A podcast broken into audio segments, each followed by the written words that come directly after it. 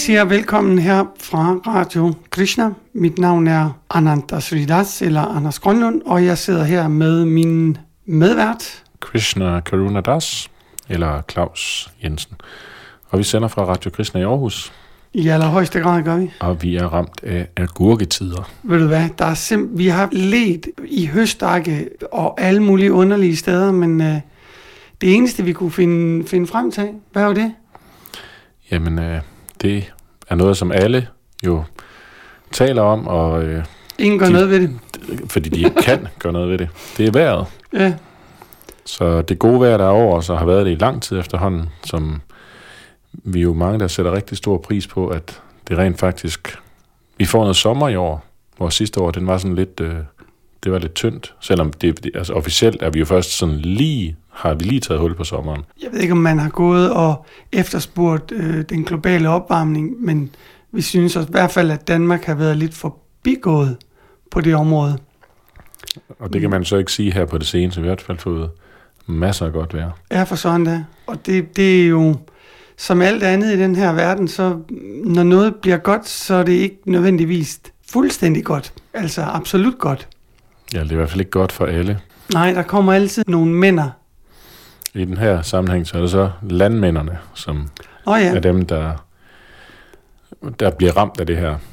Fordi de siger her, at op til halvdelen af høsten risikerer at gå tabt, hvis der, er sådan, der ikke kommer noget regn, fordi afgrøderne de bliver simpelthen svedet af i den her varme. Og selvom de vander så godt, som de nu kan, så har de altså brug for noget vand fra oven. ja. Og de vil gerne have meget vand. ja, hvad var det, de kaldte det? At de ledte efter en bundbløder. Noget, som kan bløde grunden op med, sådan at afgrøderne, de kan, de kan vokse. Så vi kan få noget at spise. Mange af os har fået lidt afstand til der, hvor maden kommer fra. Så vi regner bare med, at Nå, men mad det kommer fra Netto eller Brusen eller Ja, har du penge, så kan du få. Ja, ja, lige præcis. Det er meget sjældent, at man forbinder vejret med mad. Nå, nu, nu, er, nu er det for varmt, nu får vi ikke noget at spise, eller... Så er det i hvert fald på en anden måde, så er det sådan noget med, jamen lad os grille, fordi det er så godt vejr. Det er ikke Eller- sådan, at, at det påvirker mængden af, af maden, der bliver produceret. Nej, eller koldskål. Der, der er fuld knald på koldskåls... Øh, Men landmændene, de har i hvert fald et grå hår i hovedet over det her, fordi de har brug for noget vand. ja, og det er jo noget, som kan påvirke, ja, i sidste ende også deres indtægter, eller prisen på det mad, som vi køber. Og det er jo også det, som de siger, at, det er det eneste positive, der er ved det hele. Det er, hvis det er dårligt for dem alle sammen. Ja, og det er jo lidt absurd, at, at man skal se andres ulykke som noget positivt. Ja, Men de skrev, ja, at- men heldigvis, så er det også USA og Sydeuropa er også ramt af, af meget tørt vejr. ja og det vil sige, at priserne generelt kommer til at stige, og det vil sige, at selvom de producerer mindre, så får de flere penge for det. Så, ja, så kom- kommer de ikke til at tabe en masse fortjeneste på det. Men øh, det er selvfølgelig noget, som i sidste ende øh, ryger over på, på vores pengepunkt, hvis brødet det begynder at koste øh, 50 kroner for sådan et, øh, et stykke brød. Ja, der er nogen, der skal betale, og det bliver så forbrugerne i den her sammenhæng. Ja, lige præcis.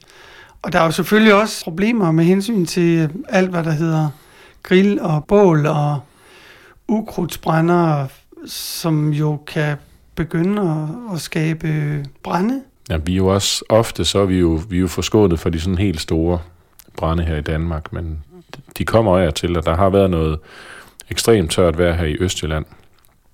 Øh, og de har også været ude, fordi at der var, øh, jamen var det en plantage, som, hvor der var gået ild i det. Mm. Det simpelthen var blevet antændt. I Portugal stod der, der kæmper de med nogle store, Ja. nogle store brænde. Altså nu er Danmark et, et lille land, så alt hvad der sker i Danmark er jo i, i mi- miniatyrafdelingen. Men er Portugal ikke også et lille land? Måske indbyggermæssigt er det et lige så stort land som Danmark, men jeg tror rent arealmæssigt er det jo større. Og de nævner så også her, at øh, der er flere kommuner, hvor der faktisk er udstedt et afbrændingsforbud. Mm. Og det er så Randers og Fagerskov og øh, Djursland.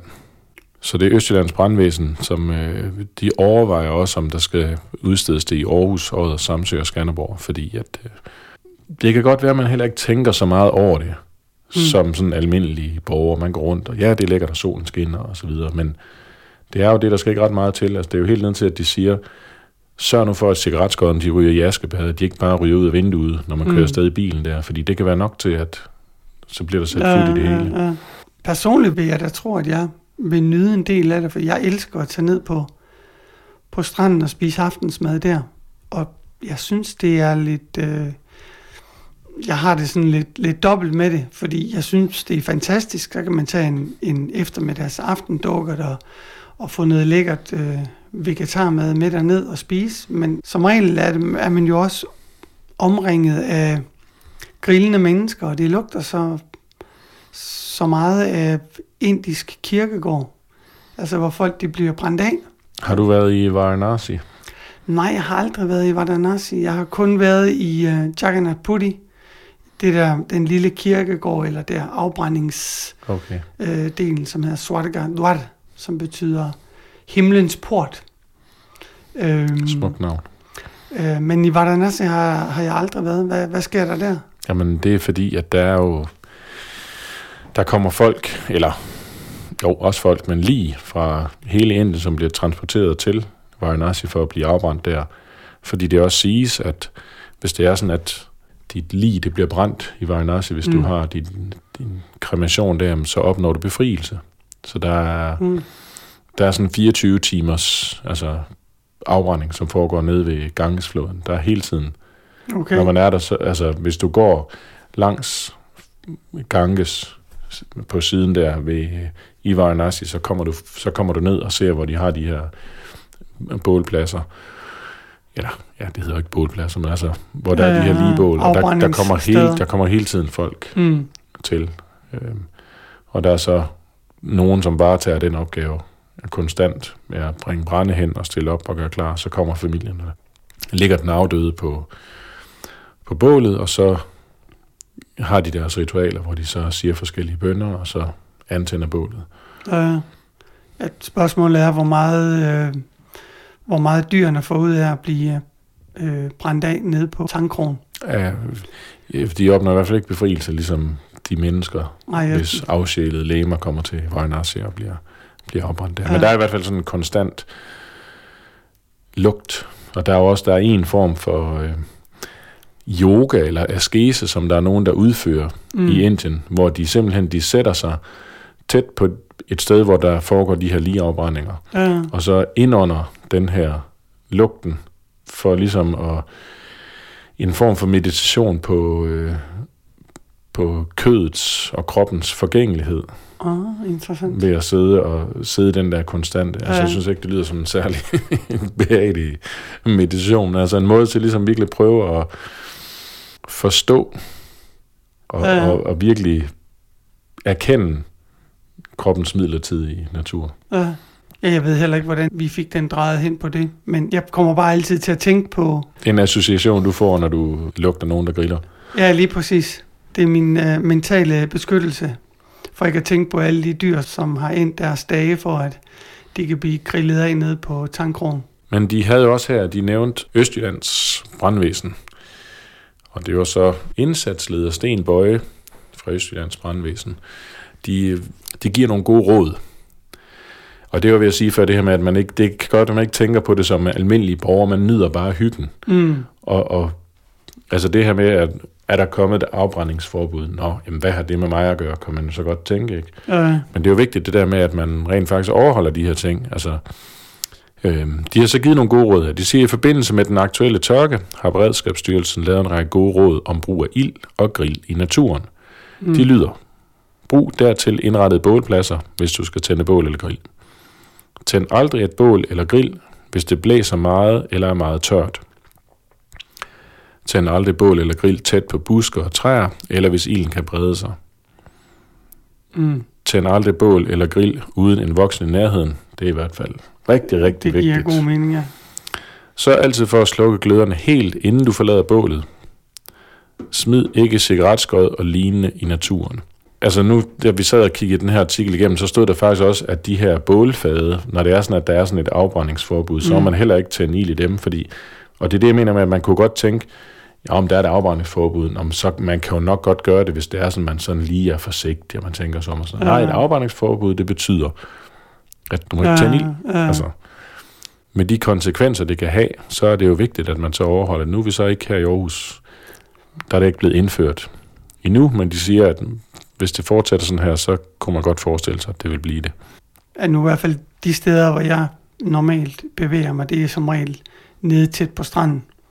Så det, man, har, man har adgang til rigelige mængder vand. Øh, så ja, måske har man ikke så meget at transportere det i. Det er selvfølgelig noget andet. Men øh, der er heller ikke de store arealer, der kan brænde af dernede. Men øh, man kan da godt mærke, at det er blevet tørt. Vi var ude og spille, øh, spille lidt cricket i dag, og der kunne man se, at, at banen der var næsten gul over det hele. Man kunne se jorden, den tørre jord igennem, fordi hele græslaget var Ja, nærmest ligesom, afsvedet. ja, lige præcis. Så øh, det er noget, noget værre noget.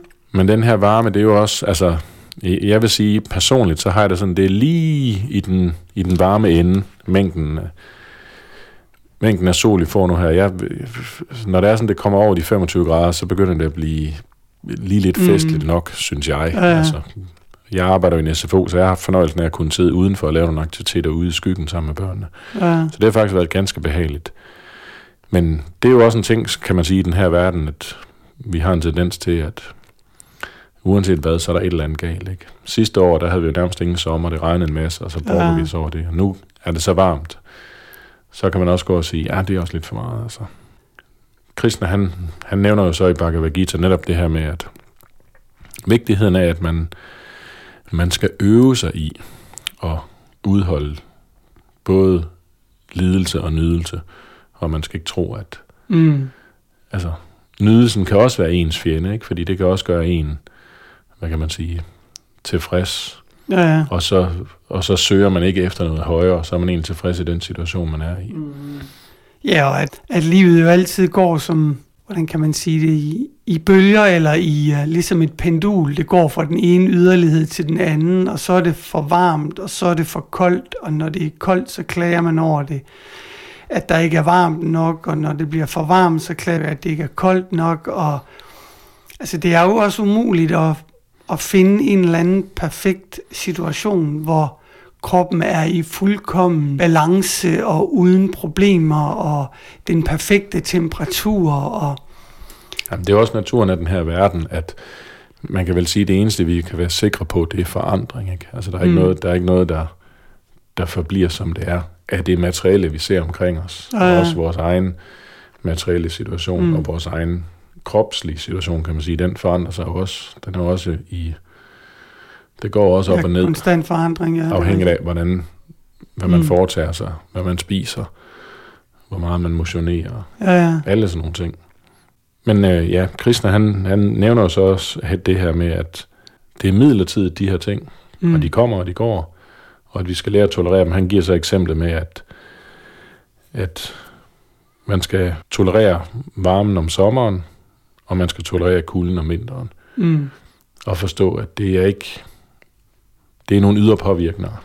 Og hvis man, hvis man virkelig vil finde fred, hvis man vil finde lykke, hvis man vil finde sådan en eller anden form for ro og balance, eller hvad skal man sige, så mm. er det Mm. den indre lykke, man skal søge efter. Ja, Og, og derfor øve sig i at tolerere de her ting, fordi vi kan ikke styre det, og det kommer til at trække os i alle mulige retninger, hvis det er det, vores, øh, ja. vores glæde og tilfredsstillelse, den er afhængig af. ja, netop fordi det aldrig fungerer på en perfekt måde. Det vil sige, at vores tilstand, vores indre tilstand, hvis den er afhængig af, at situationen er perfekt udadtil, og hvis den så aldrig bliver det, så kan man jo nemt lave regnestykket. Det er, at man aldrig er glad. Mm. Man er aldrig tilfreds, fordi du altid vil være i en situation, som ikke er ideel udadtil set. Og det er jo en ekstremt øh, frustrerende situation at, at leve i, hvis ens velbefindende afhænger af, om det lige præcis er 23,5 grad Mm. med en let brise og ja, hvad det nu ellers er af krav, man, man kan have. At det er også interessant, hvis man læser i Srimad Bhagavatam, så er der også beskrivelse af, at i, i gamle dage, det er måske endda så lidt sagt, det kan være, at vi skal endnu længere tilbage, ikke? Mm. da jorden den bliver regeret af de her højt oplyste konger, Så fordi at samfundet var indrettet på en måde, hvor at man levede overensstemmelse med, med Krishnas, kan man sige, den måde, han har indrettet universet på, det vil sige, mm. at med, i, i forhold til alle andre levende væsener, også på de højere planeter med halvguderne osv., man, man udførte sine pligter i overensstemmelse med, hvad det var meningen, man skulle gøre, at så var der en ligelig fordeling af sol og regn, og mm. faktisk så regnen den faldt også om natten, fordi der ligger folk alligevel og sover, så så er det jo, mm. så er det, det var praktisk for alle, at det var ja. der, det regnede. Men jeg tror nu lige for tiden vil, vil vi være meget godt tilfreds med at bare få lidt regn, uanset om det bliver om natten ja, ja, ja. eller om dagen, at det kommer. Men det er jo også, hvis man, hvis man ser på verden som noget upersonligt, der har man jo kontrasten i de vediske skrifter, hvor alting er personligt. Mm. Ikke bare os som hvor vi ikke bare er en kombination af kemikalier og neuroner og plutoner og hvad der ellers er, men der faktisk er en person inde i den krop, en sjæl. Og på samme måde så er, er verden jo også personlig. Og det vil sige, at alt efter hvordan vi behandler den verden, vi bor i, er der også en, en respons, er der også et modsvar på det.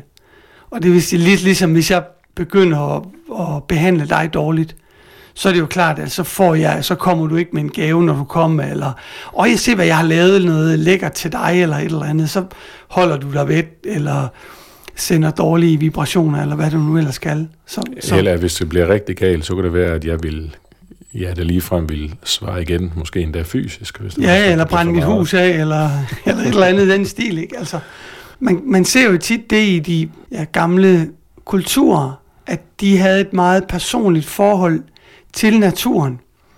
Moder natur, eller Pachamama, eller hvad det ellers er i de forskellige sprog. At, at der ligesom er en, en personlighed, som man skal respektere. At man ikke bare kan opføre sig, som man, som man har lyst til. Ja, men det, jeg synes også, det er lidt pudsigt, fordi vi kan jo også se de ting, vi omgiver os med. Der kan man også godt tænke, at det, man får øje på, det er det upersonlige. Men det, mm. det er jo altid personlighed, der ligger bag, kan man sige. Ikke? Altså, vi har en stikkontakt her, hvor der kommer strøm ud af, eller nu apropos tørke og vand. Hvis du går ud og åbner for vandhanen, så kommer der vand ud.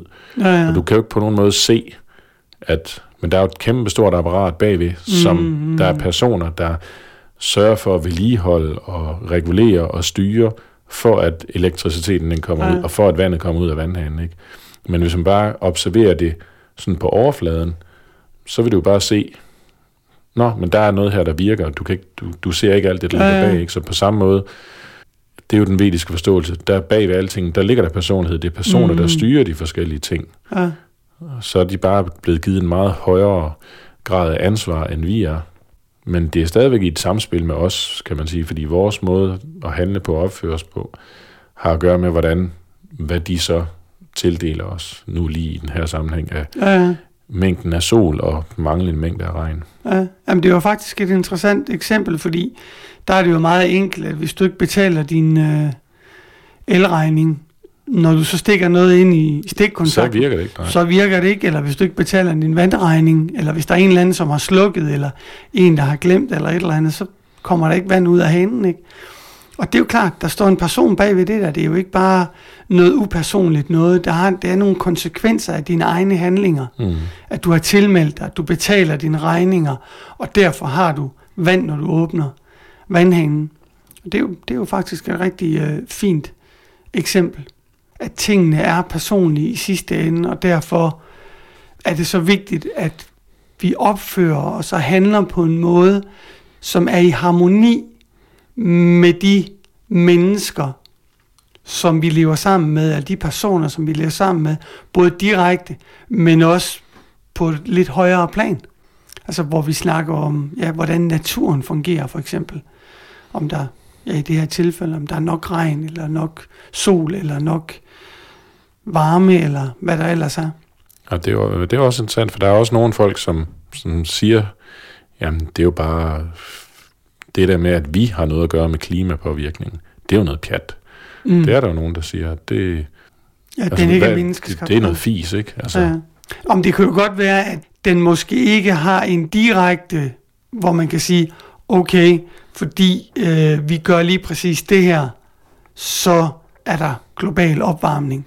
Men det kan jo godt være en sekundær reaktion på nogle andre handlinger, som vi har over for moder natur, hvor vi måske udnytter hende eller den på en uforholdsmæssig dårlig måde. Jamen, jeg, jeg synes det også, det er, det er mit indtryk, at der kommer flere og flere ting frem med forskellige måder, hvordan vi påvirker naturen, som man ikke, nå, men det var man ikke lige klar over. Det, vi vidste ikke lige, at det havde den den påvirkning. Altså der er sådan, der kommer en større indsigt på forskellige vis, men, men det, øh, det er næsten altid, når der kommer en eller anden negativ effekt. Hov, når vi har gjort det, og så er det den her effekt. Og det var ikke så smart, men ja, man har ikke tænkt på det inden, vel, fordi at mm. man har den her sådan upersonlige, mekanistiske tilgang til det, ja. og, og ikke ikke har forståelsen af, at der, der er personer bag, der er en personlighed bag, mm. og du bliver nødt til at have, der bliver nødt til at være en fornuftig udveksling, der bliver nødt til at være en respektfuld måde at omgås de her forskellige mm. energier på, ja. for at, at, at tingene ligesom er i balance, ellers så er det, at tingene de bliver bragt i ubalance. Ja. Altså under alle omstændigheder, så selvom man gør det så godt, som man kan, så er det jo klart, specielt i den her tidsalder, hvor tingene ikke fungerer optimalt, så er der et større krav til, at man skal lære at tolerere. Fordi situationen bliver ikke ligefrem bedre med, med tiden. Og så er det jo ovenikøbet, at vi lever i et land, hvor der er en forholdsvis stor respekt for naturen og de ressourcer, som vi får, mens der i andre steder i verden er en fuldstændig øh, kold og kynisk udnyttelse af det uden overhovedet at tage højde for, at, hvem var det, der sagde det? Var det Jacques Cousteau, øh, franskmanden? Vi lever som om, vi er de sidste, der skal leve mm. på den her planet. At vi udnytter den fuldstændig, udsuger den fuldstændig, og tænker ikke på, at der kommer faktisk nogen, og skal bruge den bagefter. At vi er her kun meget kort tid.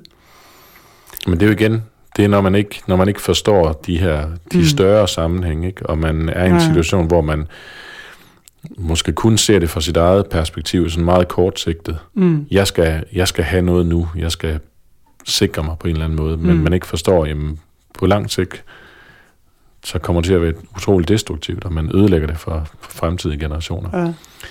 ja, nu har vi også lige bedt os lidt, måske langt væk fra, ja, fra synes, sol og, ja. og, og manglende regn. Jamen, jeg, jeg synes faktisk, at øh, den røde tråd holder. Fordi det er jo et spørgsmål om, at man bliver bevidst, som øh, grundlæggeren for Krishna-bevidsthedsbevægelsen, han, han sagde, at først så bliver man bevidst, og så bliver man gudsbevidst.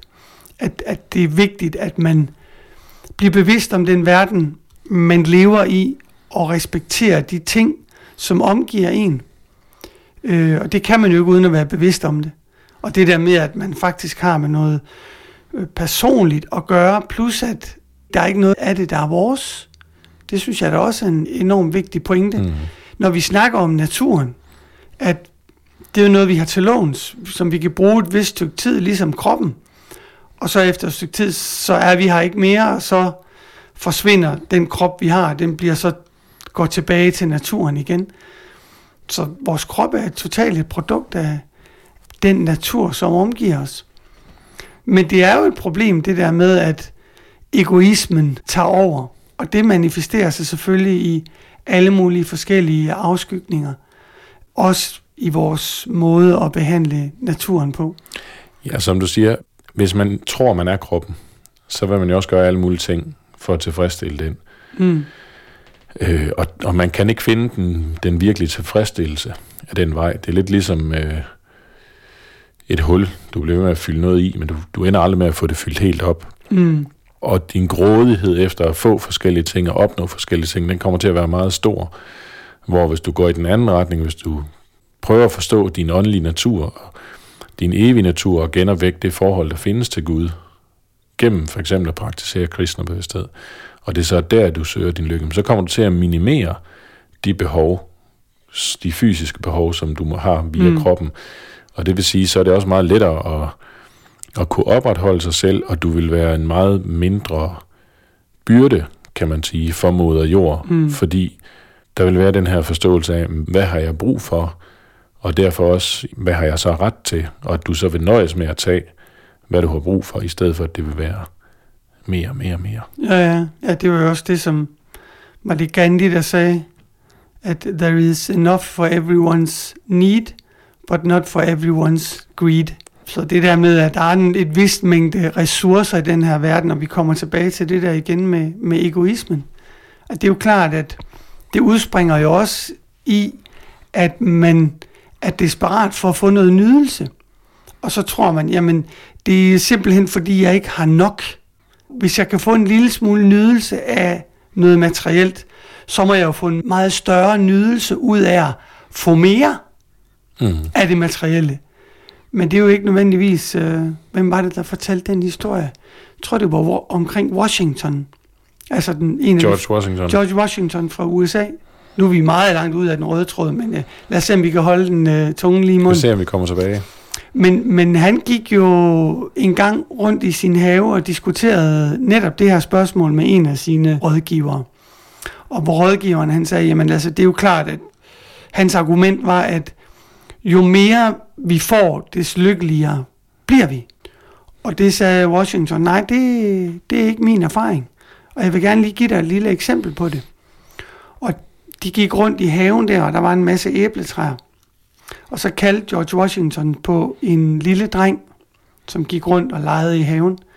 Så kaldte han på ham, og drengen kom så hen til, til de to. Og så øh, tog George Washington et æble og gav til den lille dreng. Og den lille dreng, han blev rigtig glad og smilede over hele femøren.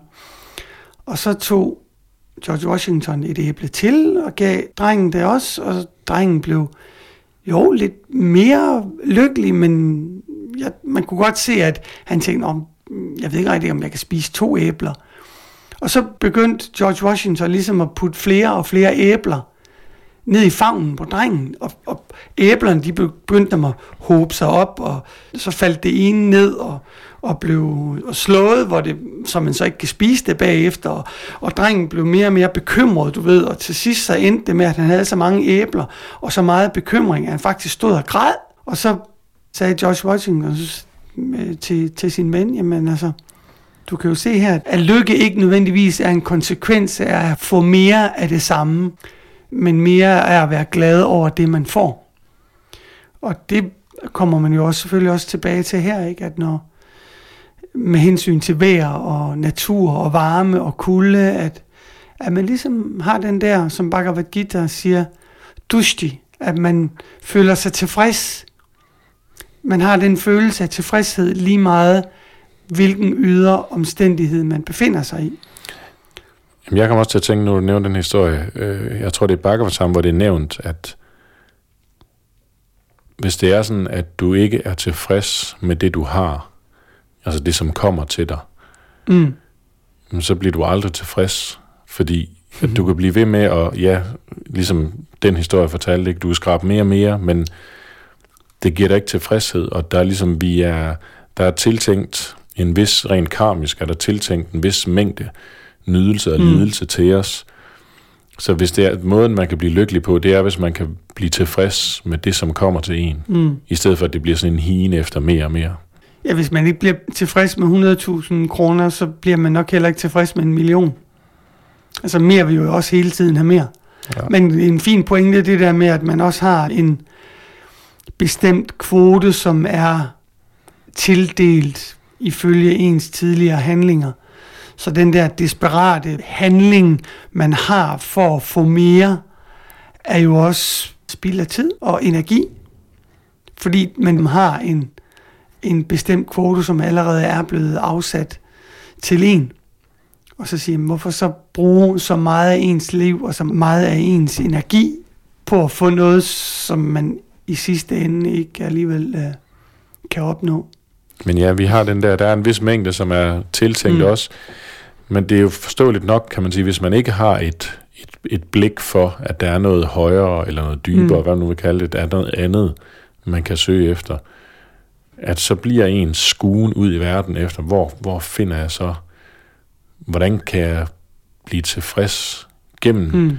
Min krop, gennem mine sanser, hvis man ikke hvis man ikke har forståelsen af den her dimension, der er en Ja. sjæl, jeg er ånd, der er noget der, som kan hentes og som kan give en, glæde og en lykke, som er mm. usammenlignelig med noget som helst andet. Så Prabhupada vil jo i bund og grund sige, at så man spilder bare sin tid med at, at jage efter nogle af de her ting, ikke? Mm. Som, hvor den virkelige lykke og tilfredsstillelse, der bliver nødt til at, at, at se ind af. Mm. Det er den rejse, der går ind af, hvor man kan finde det, man søger. Ikke nødvendigvis, at man rejser ud i verden. Ikke fordi man ikke kan rejse ud i verden, men, Ja, men den virkelige tilfredsstillelse, det bliver nødt til at være den, hvor man kigger ind af, hvor man søger, søger det åndelige. ja, fordi det er også... Øh, nu tænkte jeg faktisk på øh, de anonyme alkoholikers motto, som faktisk kommer ret meget i apropos det, vi sidder og snakker om. De siger jo også, øh, deres bøn lyder som følger... Du må rette mig, hvis jeg, hvis jeg siger den forkert. Hvis du kender den selvfølgelig. Gud giv mig styrke til at ændre de ting, som jeg kan ændre. Gud giv mig tålmodighed til at acceptere og tolerere de ting, som jeg ikke kan lave om på. Og Gud giv mig visdom til at kunne skelne eller se forskellen på Ja. ja. det. Og det er jo også lidt i samme øh, boldgade, hvor man kan sige, der er ting, man kan gøre noget ved. Og det er selvfølgelig på det indre plan. Du kan ændre din bevidsthed, du kan højne din bevidsthed, du kan udvikle kvaliteter, du kan komme tættere på Gud, blive en renere sjæl, gøre godt for, for mennesker på alle forskellige planer, materielt og åndeligt øh, plan. Der er der en masse ting, som man kan gøre noget ved. Det er ligesom der ens virkelige arbejdsplads ligger. Mens der er en masse ting, som du siger, men det kan man ikke gøre noget ved. Nu vi snakker om vejret. Jamen, kan man gøre noget ved det? Nej. Altså, du kan ikke gå ud og sige, jamen, ved du hvad, nu stopper du med at skinne sol, eller der er så mange ting, som man ikke kan gøre noget ved. Ja, det er et helt andet plan i hvert fald. Ja, altså det, det er ved at arbejde med den, Mm. på, på den åndelige side, kan man sige, at det, Ja. det er den vej, man kan ændre det. Ja. Men dermed ikke sagt, at man ikke skal gøre noget for at forbedre ens materielle situation. Men man skal bare forstå, hvordan det fungerer. At det at få en bedre materiel situation betyder, at man for det første opfører sig ordentligt over for den natur og de mennesker og de levende væsener, som man, man lever sammen med. Men også at man accepterer, at der er en vis mængde til mig, og at man bliver glad og tilfreds med de ting, som man nu har. Altså den her bøn, du nævnte, jeg kommer også til at tænke på, at vi har jo ligesom nogle, hvis man tager udgangspunkt i sig selv, ikke fordi at vi skal sige, at man mm. er centrum, men så har du ligesom nogle ringe omkring dig, hvor du har nogle, mm. Ligesom nogle indflydelsessfærer. Ikke? Der er nogle ting, som du kan påvirke, og så jo længere du kommer ud, jo mindre kan du påvirke tingene, og kommer langt nok ud, så kan du slet mm. Ikke påvirke mm. tingene. Ja, Så det er også vigtigt, at man får lagt sit fokus, hvis man vil ændre noget i sin, i sin situation, at, at man kan skelne, hvad ligger uden for min, mm. Hvad kan jeg påvirke, og hvad kan jeg ikke påvirke, og man så arbejder der, hvor man, ja, og man kan i hvert fald altid tage fat i sig selv, ja. og, og arbejde på sig selv, som du siger, med ens bevidsthed, med ens indstilling, med ens holdning til tingene. Ja. Ja, det er faktisk en rigtig interessant pointe, fordi det, jeg tror, det er noget, som er snuppet også fra Stephen Covey. De syv... Øh, Seven De- good habits of highly effective people. ja, lige præcis. Øh, han snakker nemlig også med det, at der er to forskellige cirkler. Den inderste cirkel, som er den cirkel, hvor man over de ting, som man har indflydelse over. Og så er der den ydre cirkel, som er den cirkel, som inkluderer de ting, som man interesserer sig for, øh, men som man ikke har nogen indflydelse over. Og hans anbefaling er jo også, at man arbejder i den inderste cirkel, som er den, man har indflydelse på, Hmm. hvor man kan gøre noget, hvor du kan skabe nogle ændringer, nogle Ja. forbedringer. Ja, for ellers så bliver det bare frustration, hvis Lige du prøver at præcis. arbejde på at ændre nogle af de ting, som ligger uden for din indflydelsesfære. Ja, ja. Jeg tænkte, hvis man gik ned på stranden og sagde, ved du hvad, jeg vil have, jeg vil have regn, jeg vil have regn, åh, jeg vil have regn, og råber og skriger og sådan, altså, hvad hjælper det? Altså, ja, ingenting. Nej, overhovedet ikke. Altså, jo, altså, det kan godt være, at folk de, de får en billig latter dernede. Altså, det er måske det eneste. Det hjælper i hvert fald ikke på regnvejret. Ja, det hører nok uden for ens indflydelsessfære. Så det der med, at man finder ud af, hvad for nogle ting kan man gøre noget ved, og så vidderligt også gøre noget ved det. Øh, og det er selvfølgelig også det andet niveau i det. Ja, og vælger også, okay, men jeg kan gøre noget ved alle de her forskellige ting. Hvor er det så, jeg skal sætte ind? Hvad er det for noget, ja. Som er vigtigt for mig?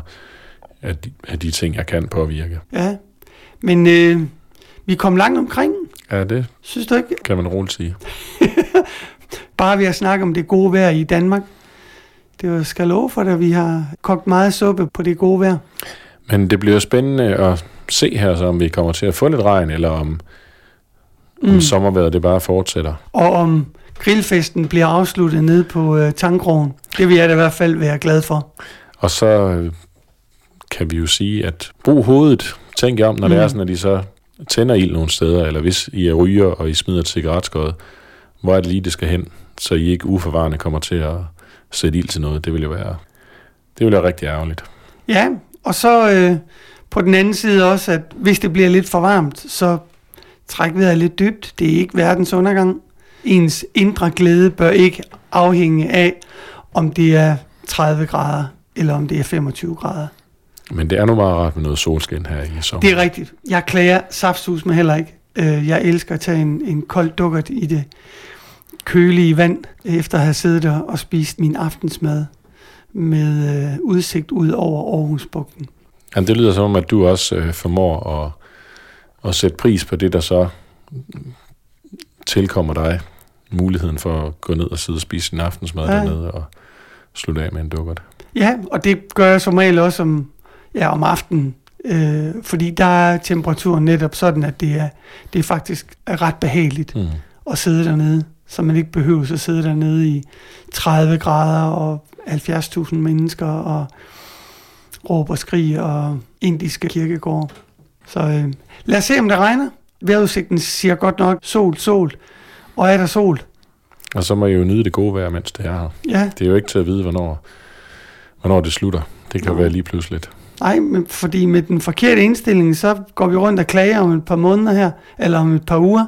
Åh oh, nej, nu regner det, nu regner det, selvom vi i dag måske har stået og råbt til himlen om at få et, et Jeg synes, at det var lige lidt for varmt, ja. Ja, for sådan.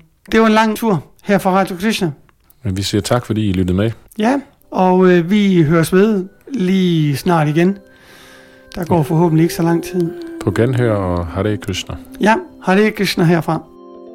Wake up, time to wake up. Come on now, wake up, wake up, sleeping soul. Yeah. Wake up, it's time to wake up. Come on now, wake up, wake up, sleeping soul. Sleeping soul. Wake up, it's time to wake up.